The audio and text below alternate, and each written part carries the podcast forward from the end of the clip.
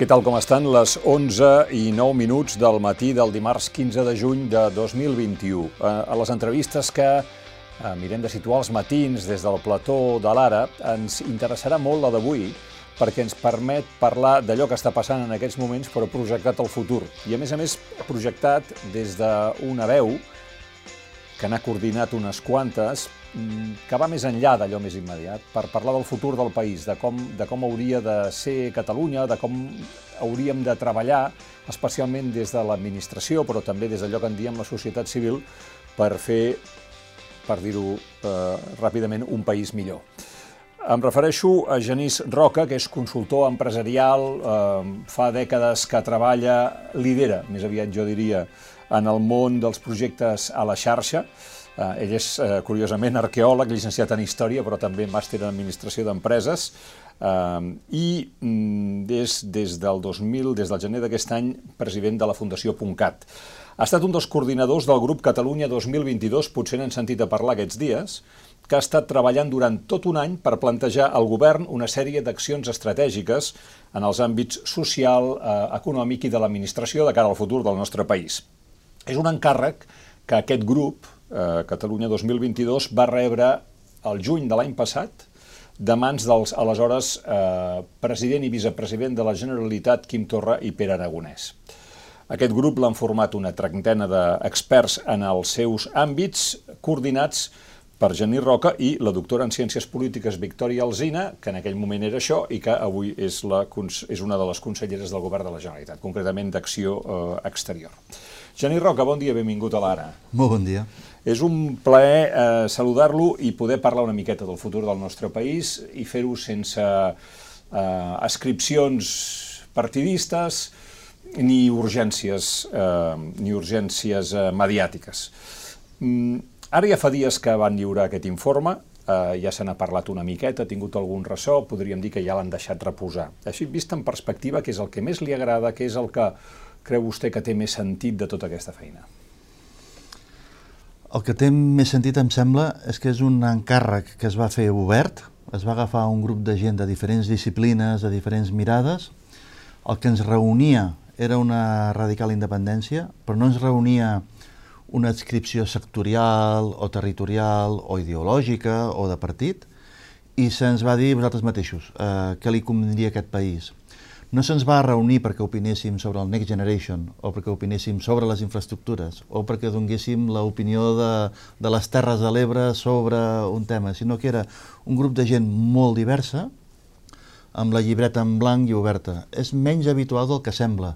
És fàcil reunir un grup d'experts perquè opinin sobre la vacunació o perquè opinin sobre algun tema concret. Un, un llibre així en blanc. Hem acabat presentant un document eh, centrat en tres àmbits, Societat, Economia i Administració, però la primera versió del nostre document tenia set àmbits. Uh, uh, vull dir que fins i tot ens va costar una miqueta de dir, bueno, i què és allò més rellevant al nostre humil entendre? Un, un encàrrec així obert, entre legislatures, tu encarrega un govern i li lliuraràs a un altre, per tant no tens cap mm, temptació de satisfer... Nosaltres fèiem un encàrrec per un govern que no sabíem quin seria, i per tant no preteníem satisfer ningú perquè no, directament no sabíem qui ho rebria. I què han prioritzat? Què és el més important? Estem satisfets de l'ordre. Uh, el primer és cultura. Necessitem una societat, una ciutadania amb capacitat de tenir esprit crític. Uh, si la gent no té pensament propi, Uh, deixem-ho córrer. Uh, I el primer és cultura. Després aquesta gent en pensament propi desenvolupa una activitat i podríem parlar de desenvolupament econòmic, de riquesa, de prosperitat, d'innovació, d'empresa. Uh, I finalment tot això demana uh, ser administrat en un espai comú. Uh, vivim junts. Estem visquent en una ciutat, no estem cadascú a la seva cova, que últimament estem molt cadascú a la seva cova. I, i per tant, l'ordre ens sembla natural. Persones, activitat, i administració. Cultura, eh, per tant, eh, esperit crític entès, per començar, com què, com a educació?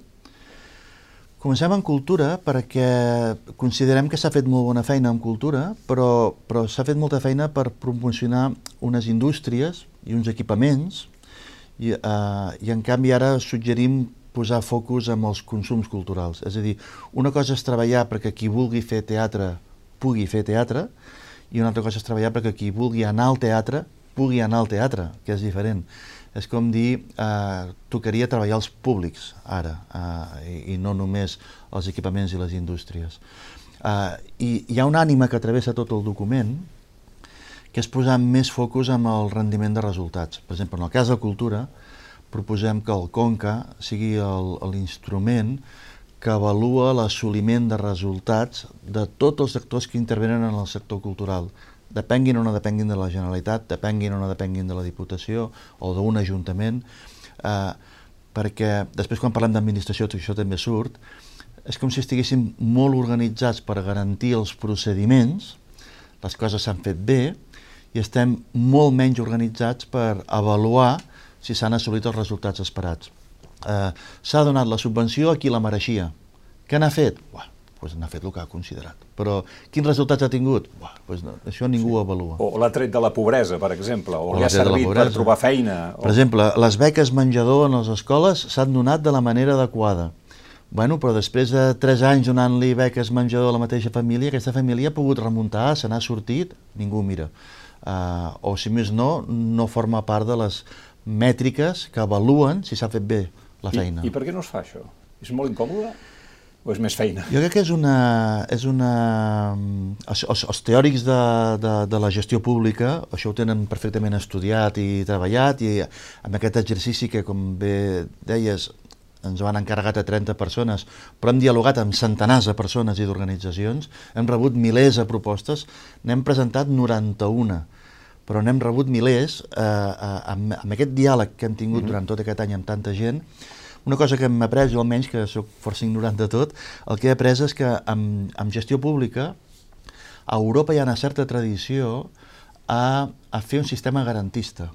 Poder perquè veníem de... Poder en una altra època veníem d'un altre lloc, d'un altre barri, però hi ha hagut com un esforç en muntar una administració garantista. Que no sigui arbitrària, que no sigui, que no sigui arbitrària, que han fet un favor a algú perquè tenia un endoll. No. Que les regles i les mm. normes siguin clares i garantir que es compleixen. I hem posat tant d'accent en garantir les normes que no hem, hem perdut eh, tensió en garantir els resultats. Mm. I això crec que passa a tot arreu. Ja, a part que eh, preguntar-nos sobre el resultat és molt més lent, no? Si tornem al tema de les beques menjador, molt bé, s'han repartit els qui les necessitava, però ara aquesta família com està? Uf, com tan, fas el seguiment d'això? És, és, tan, és tan feble aquesta vessant de la nostra societat que no tenim clar ni siquiera com definir valor públic.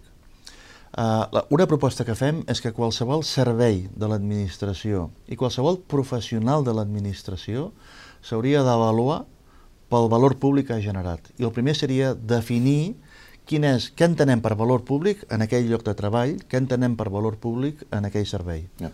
Anem a aterrar algunes propostes, per exemple, eh, en l'àmbit educatiu, eh, diuen que s'ha d'anar a la digitalització, augmentar l'autonomia dels centres educatius, universalitzar l'accés a l'educació infantil de primer cicle, prioritzant els infants en risc de pobresa per mitjà de beques que cobreixin els costos directes i indirectes, però a mi aquesta notícia d'avui, que a més a més l'ara situat en portada. Un de cada dos aspirants a mestre no té el nivell. Molts candidats han tingut dificultats per recordar un llibre llegit i per interpretar un gràfic. Els coordinadors de les proves d'aptitud alerta en que la davallada de nombre d'aprovats és alarmant. Això seria una prèvia. Aquesta notícia té dues lectures una, uh, deixem ser optimista, perquè una cosa que ens vam proposar en aquest grup és eh, hem d'intentar ser optimistes, hem de tirar aquest país endavant i no val flagelar-se. Eh? Uh, una possible lectura positiva. La meitat no han pogut accedir perquè no tenien el nivell. Uh, uh, la greu seria que tots haguessin accedit.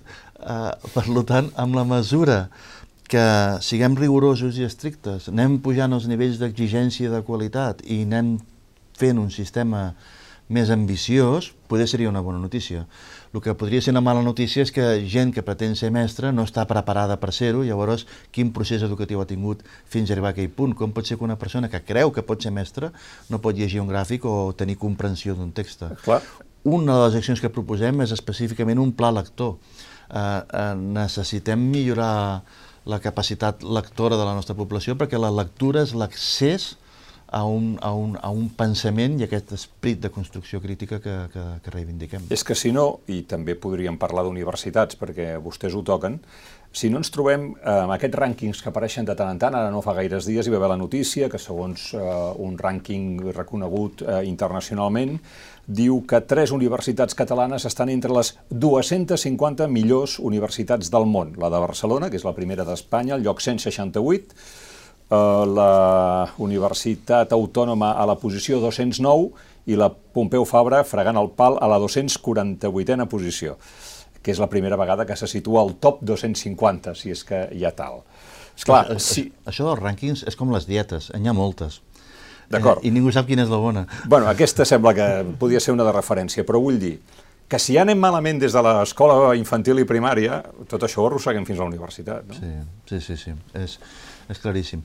Um, uh, amb, aquest exercici que hem fet, uh, hi ha tot un reguitzell de propostes, hem intentat ser força raonablement concrets, Uh, aquests, aquest tipus d'exercicis s'han fet a Itàlia, s'han fet a França, s'han fet a Portugal, s'han fet als Estats Units, ho hem seguit, hem estat molt atents.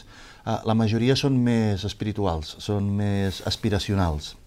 Uh, uh, aquí hem optat per fer un, una, una terrada d'accions concretes perquè ens semblava que, que necessitàvem ja una certa concreció. Algú dirà que no és prou concret, però, però hem intentat fer un conjunt de propostes que ens semblava que fossin optimistes, que fossin possibles, que fossin assumibles amb els recursos actuals, no s'hi val a dir i si tinguéssim més pressupost, o i si fóssim no, independents, ara, o i si no sé quantos, sí. uh, uh, i que malgrat que algunes d'elles tenen la voluntat de ser de llarg abast, fossin, si més no, iniciables en el curt termini. O sigui, ens sembla que és una agenda que, que podria interpel·lar aquest primer any de legislatura ja. Sí? Si més no començar, no? O sigui, agafar i dir pujar el, país al, pujar el país al núvol o fer un país de dades, no ho farem en un any, però poder que comencem aquest any. Quina seria la importància de pujar el país al núvol? I sobretot què vol dir? Pujar el país al núvol eh, bàsicament vol dir que la nostra administració i la manera de gestionar l'espai públic hauria de ser clarament digital. Uh, no pot ser que els tràmits encara passin per finestreta i no pot ser que l'accés a la informació uh, no sigui molt més fluid. Necessitem un, tenir un país de dades, posarem un exemple. Uh, si, si ets un empresari del sector turístic de l'Alt Empordà i vols saber quines són les dades de turistes de la setmana passada per poder veure si la cosa... no, no les tens. Uh, probablement tinguis dificultats per trobar-les l'any passat i si vols agafar les dades del PIB podés anar a buscar-les de fa dos anys. Bueno, I saps per noctacions i gent que va passar per la frontera i si eren britànics o eren alemanys. Al dia, en temps no, no, real. No, les de l'any passat. Ah, ja, ja, no, no, no, no però a mi, a mi l'any passat, a mi com expliques l'any passat? Jo vull saber les dades de la setmana passada i les d'ahir per llegir una tendència i si cal reaccionar o fer coses. Uh, és molt difícil, uh, fregant la primera meitat del segle XXI, gestionar sense informació en temps real, quan tot el que passa al nostre entorn eh, es basa ja en informació en temps real. Vosaltres al diari teniu informació en temps real de quin és el tema del dia. Eh, els de Netflix tenen informació en temps real de quines són no, les pel·lícules. No, Google Maps, tu saps si hi ha un embús. Google Maps tens informació sí. en temps real de si hi ha un embús a la carretera. I jo, propietari d'un hotel o, o, o regidor d'un ajuntament eh, no tinc informació en temps real del que passa en el meu municipi i, i l'he de gestionar, de veritat, és una miqueta difícil, una miqueta estrany. Ja. Uh, altres qüestions, també dic per, per aterrar-les, parlen de la necessitat d'assegurar Uh, per exemple, uh, l'accés a l'habitatge. Avui tenim una altra notícia. Un home se suïcida quan el desnonaven del seu pis a Barcelona. Jo tinc una especial debilitat personal amb aquesta proposta de, de, que fem d'habitatge, perquè més que ser una proposta d'habitatge, eh, el motiu pel qual l'hem destacat i l'hem posat aquí, un dels motius pels quals l'hem posat i l'hem destacat aquí, és perquè estem convençuts que és una acció concreta que ataca de socarrel moltes, molts dels problemes de desigualtats que tenim.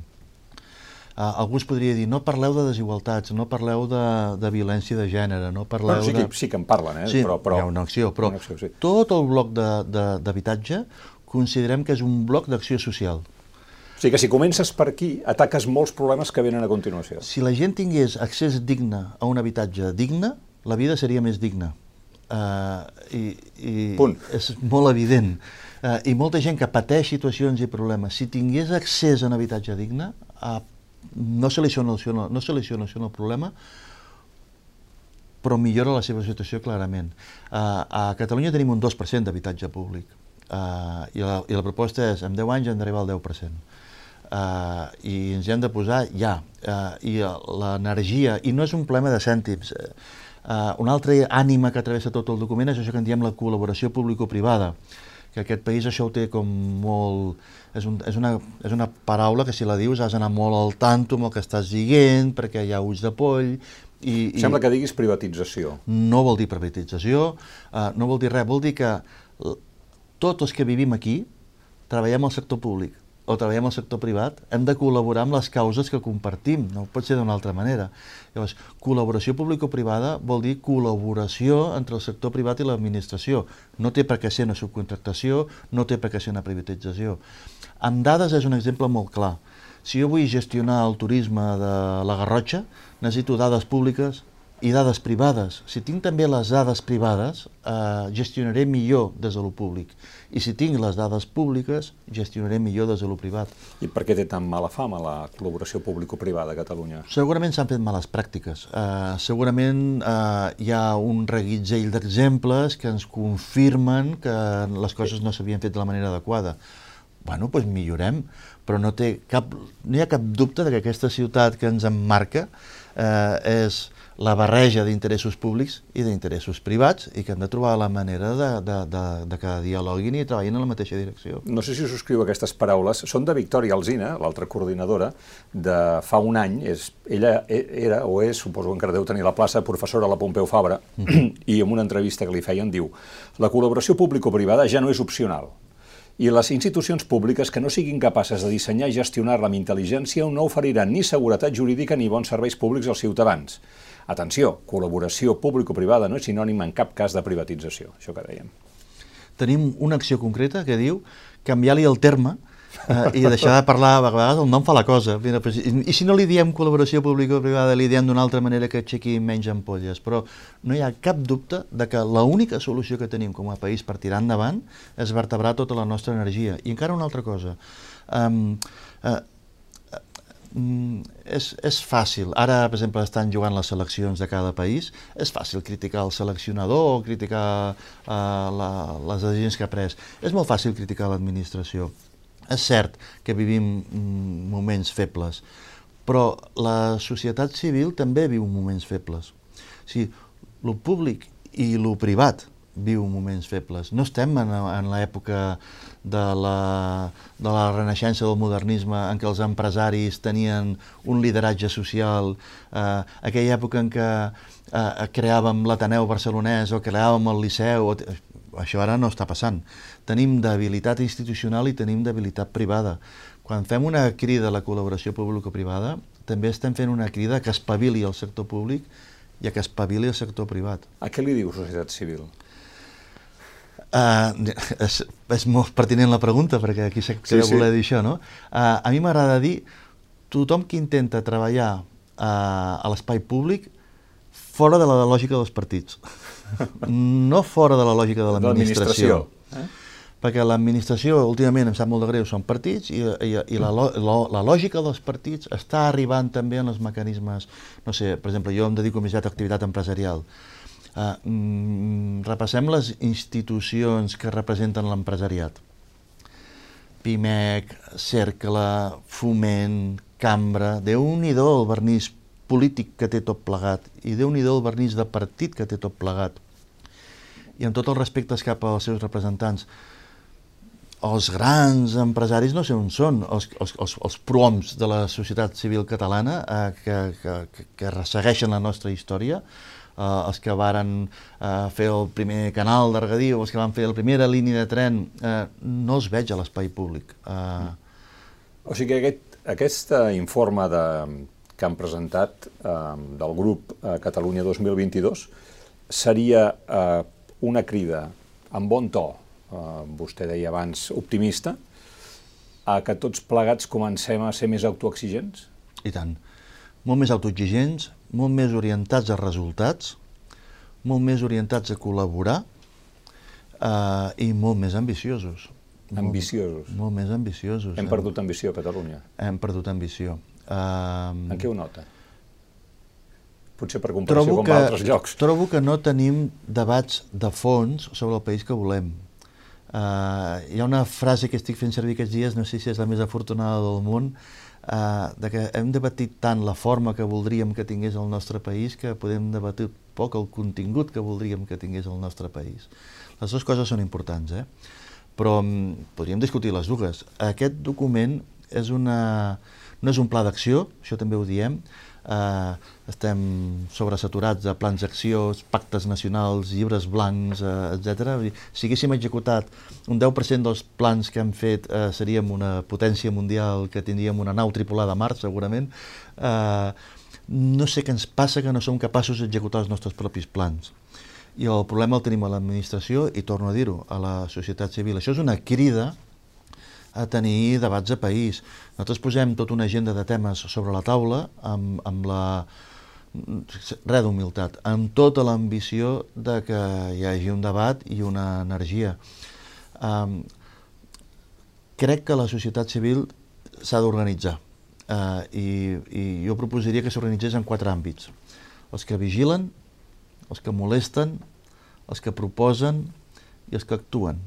Uh, aquest és un document fet per un grup que proposa. Uh, però tant de bo hi hagués un, grups que vigilen, grups que molesten i grups que actuen.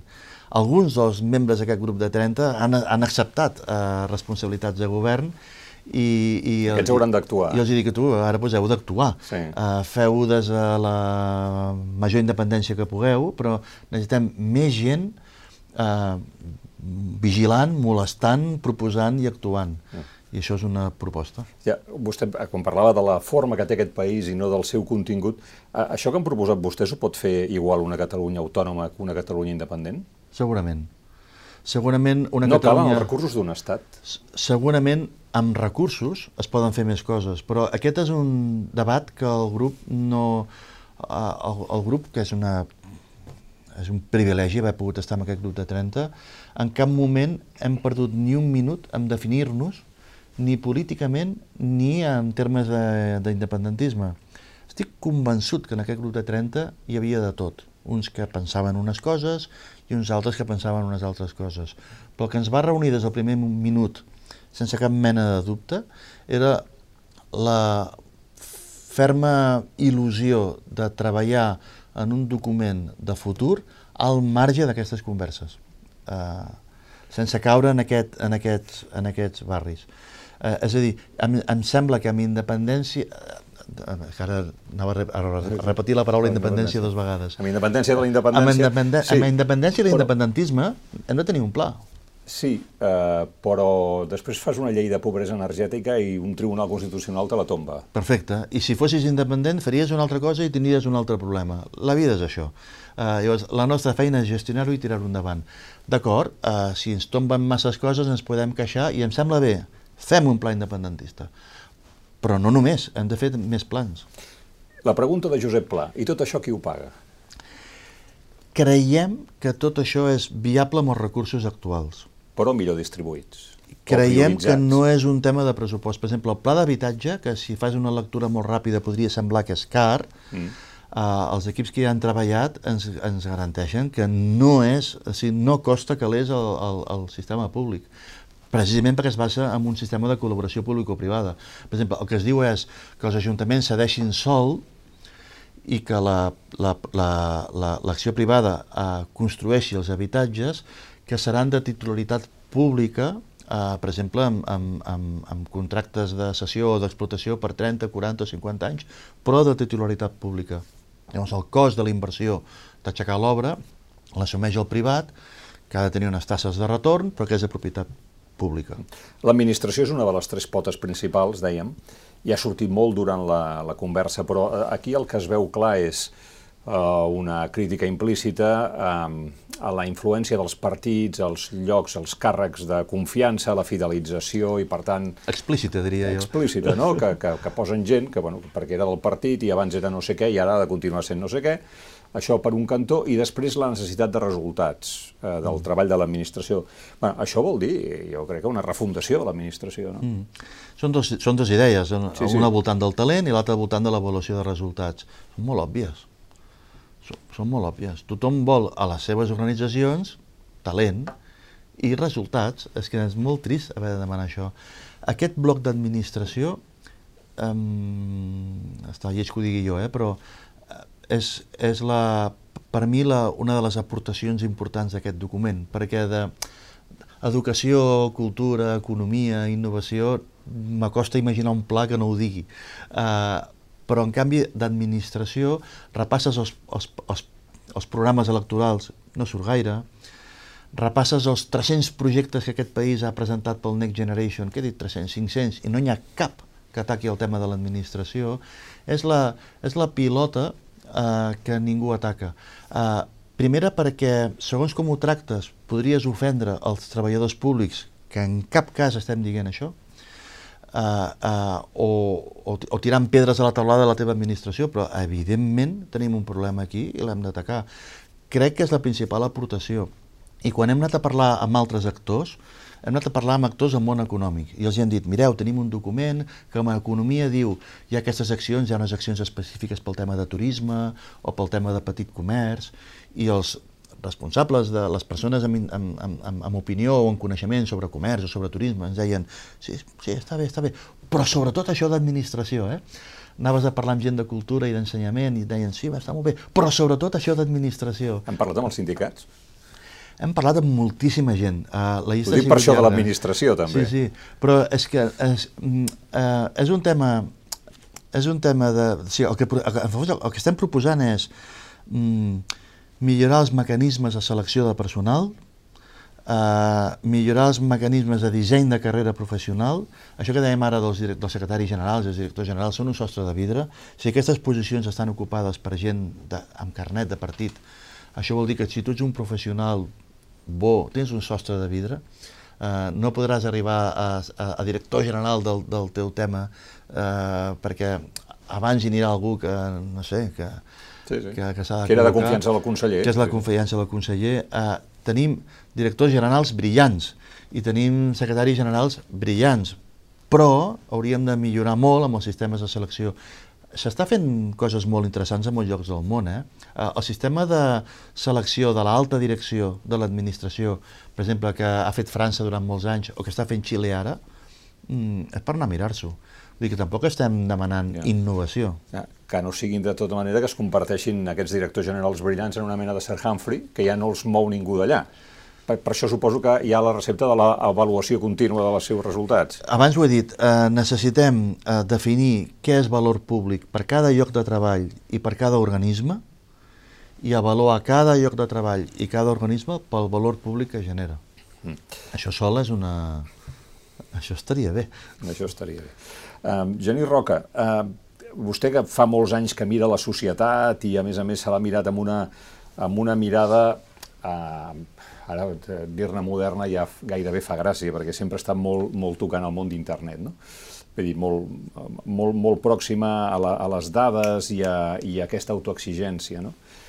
Cap on va Catalunya? Fins i tot m'atreviria a preguntar-li eh, cap on va l'economia catalana. Hi ha una pregunta que a vegades serveix per orientar, que és, escolti, què hauria d'estudiar el meu fill?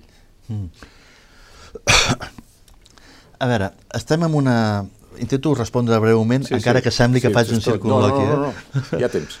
Es, um, um, la opinió personal, crec que estem uh, veient com s'esgota un model nascut de la revolució industrial i veient com neix, ja veurem que serà, un model nascut de la revolució digital. És, és la, la decadència de la revolució industrial i el naixement de la revolució digital. La revolució digital encara no té una proposta mm, ordenada que presentar-nos i és difícil d'abraçar eh, eh, sense condicions i la revolució industrial dona uns símptomes de fatiga. Lo vell no funciona, lo nou encara no, no funciona. No, no ha acabat de néixer, sí. Eh, llavors, estem en aquesta transició. Eh, en, en aquest context de transició, Uh, jo crec que Catalunya, i no estic siguent ni patriota, ni, ni, ni tiro de rauxa, ni... intento ser força objectiu. A mi em sembla que nosaltres tenim les condicions adequades per fer una proposta al món de com podria ser una societat en un context digital. Perquè crec que tenim el tamany adequat i els possibles. Tenim un, tenim un espai de recerca prou interessant, tenim un espai d'innovació prou, prou interessant, tenim una, uns, uns valors socials prou interessants, tenim una llengua que fa compacte un territori i que defineix una comunitat, tenim un substracte cultural que ens vertebra, tenim eh, el Supercomputing Center, tenim eh, uh, focus d'innovació... Em sembla que tenim l'ecosistema adequat per dissenyar què és una societat digital. I quan parlem de tecnologia, dades, internet, tenim coses. Quan parlem d'estat del benestar, o parlem de recerca, o parlem de salut, o parlem de cura de les persones, eh, tenim prou coses. I quan parlem de lluita pel medi ambient, o, o estem fent prou coses. I quan parlem d'energies renovables, podríem fer prou coses.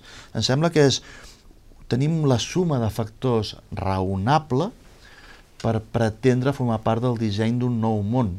Això ens demana estar connectats amb el món, ens demana ser ambiciosos, ens demana col·laborar, aquesta col·laboració público-privada que abans he insistit tant, perquè em sembla que és... Eh, jo crec que ho tenim bé. Eh, que ho tinguem bé no vol dir que sigui fàcil, ni vol dir que ja ho estiguem fent. Eh, veig el país, si em permeteu una opinió personal, despistat, mancat de lideratges, i no parlo només de lo polític, també parlo de lo civil, i, i necessitaríem una miqueta d'energia uh, i l'energia no sempre són calés. Una, una, una qüestió concreta. Si jo vaig a l'informe, trobaré una resposta a la pregunta binària sí o no hem d'ampliar l'aeroport del Prat? No hi ha cap comentari en tot l'informe sobre infraestructures, ni port, ni aeroport, ni trens. I en base al que han dit, se li acut una resposta? El grup... A base a les 90... No, de, tinc una opinió personal, però el grup no, no ha treballat el tema d'infraestructures, que probablement és una de les mancances, però vam, vam haver de triar. La seva opinió personal és molt significativa, vostè creu? Dic per preguntar No, el context d'aquesta entrevista no, però jo, jo contesto tot el que em pregunten. Eh? Però... Doncs aleshores vostè què faria amb l'ampliació de l'aeroport? Jo crec que és massa simplista dir que el futur del país passa per ampliar l'aeroport i no veig que sigui una regla de tres tan lineal. No, no, per això tinc... li pregunto, perquè s'ha passat un any pensant sobre el futur del país. Jo tinc dubtes sobre l'ampliació de l'aeroport. Mediambientals, econòmics... I de model. De model, no? I Allò de, que deia i de, abans. I de no? model. Turisme uh, o... Penso que tot el que és radi curt uh, ho fem amb avió perquè no tenim trens. I el que és radi llarg... Sí, L'altre dia vaig estar, vaig, tenir, vaig anar per feina a, a, a Logroño i Pamplona, no, no s'hi pot anar, s'ha d'anar s'ha d'anar en cotxe, eh, anar a València no és raonable. Eh, eh, tenim mal resolt el radi curt, llavors poder tenim l'aeroport molt ple d'avions que fan vols d'una hora i mitja. Si, mm. si aquests vols no fessin falta, potser tindríem més capacitat. A vegades et diuen, no, si tu vols captar talent estranger, necessites tenir un vol que tingui connexions directes, perquè molts treballadors d'aquestes empreses d'un determinat nivell no volen estar fent escales Sí, però no, no, no veig la correlació entre vols a llarga distància i ampliar l'aeroport. Que vinguin de llarga distància i no tant de curta distància. Mm. No sé, és un tema d'experts, eh? Gener Roca... de tot, sí, sí. amb no, aquesta no, no, alegria. Està, està, està, no, no. Eh, bon, em semblava que era interessant que algú que s'ha dedicat a mirar el futur del país ens digués alguna Però el grup cosa no que ha treballat, moments... el, el grup no ha treballat No, el no. tema d'infraestructures. Mm, ens digués alguna cosa sobre una qüestió que en aquests moments és un debat eh, en el qual es fan servir molts arguments sobre com ha de ser el futur del país i ni a favor ni en contra. Dir, no, no allarguem un model turístic que a més a més no ens agradava, bueno, etc. No? Moltes gràcies per haver vingut i A vosaltres. em, a, qui seguirà si això ho apliquen mínimament o no? Aquest és el grup que fa propostes. Sí. Uh, haurem de Vostès treballar no. un grup, Un que... grup? Haurem, no, no, haurem de treballar un grup que vigili. El que passa és que aquestes 30 persones han fet la feina. Uh, no tenen per què rebre un altre encàrrec de vigilar. Hi ha molta gent capaç de vigilar i ho... Però li van dir al president, faci un grup que vigili? O estaria bé que fes un grup que vigili? El, el, el president no ha de fer un grup que vigili, el president ha de fer un grup que actui. Vigilar és feina nostra, de la societat civil. Doncs ja ho saben, apuntin-se al grup que vigila. Sí, sí, hi ha molta gent amb ganes. Moltes gràcies. Uh, gràcies també a vostès per haver-nos vist. Esperem que aquestes qüestions que han sortit avui, que poc o molt estan sempre adherides a l'actualitat de cada dia, però potser no surten tan compactades com en aquesta conversa, hagin estat del seu interès. Fins una pròxima ocasió.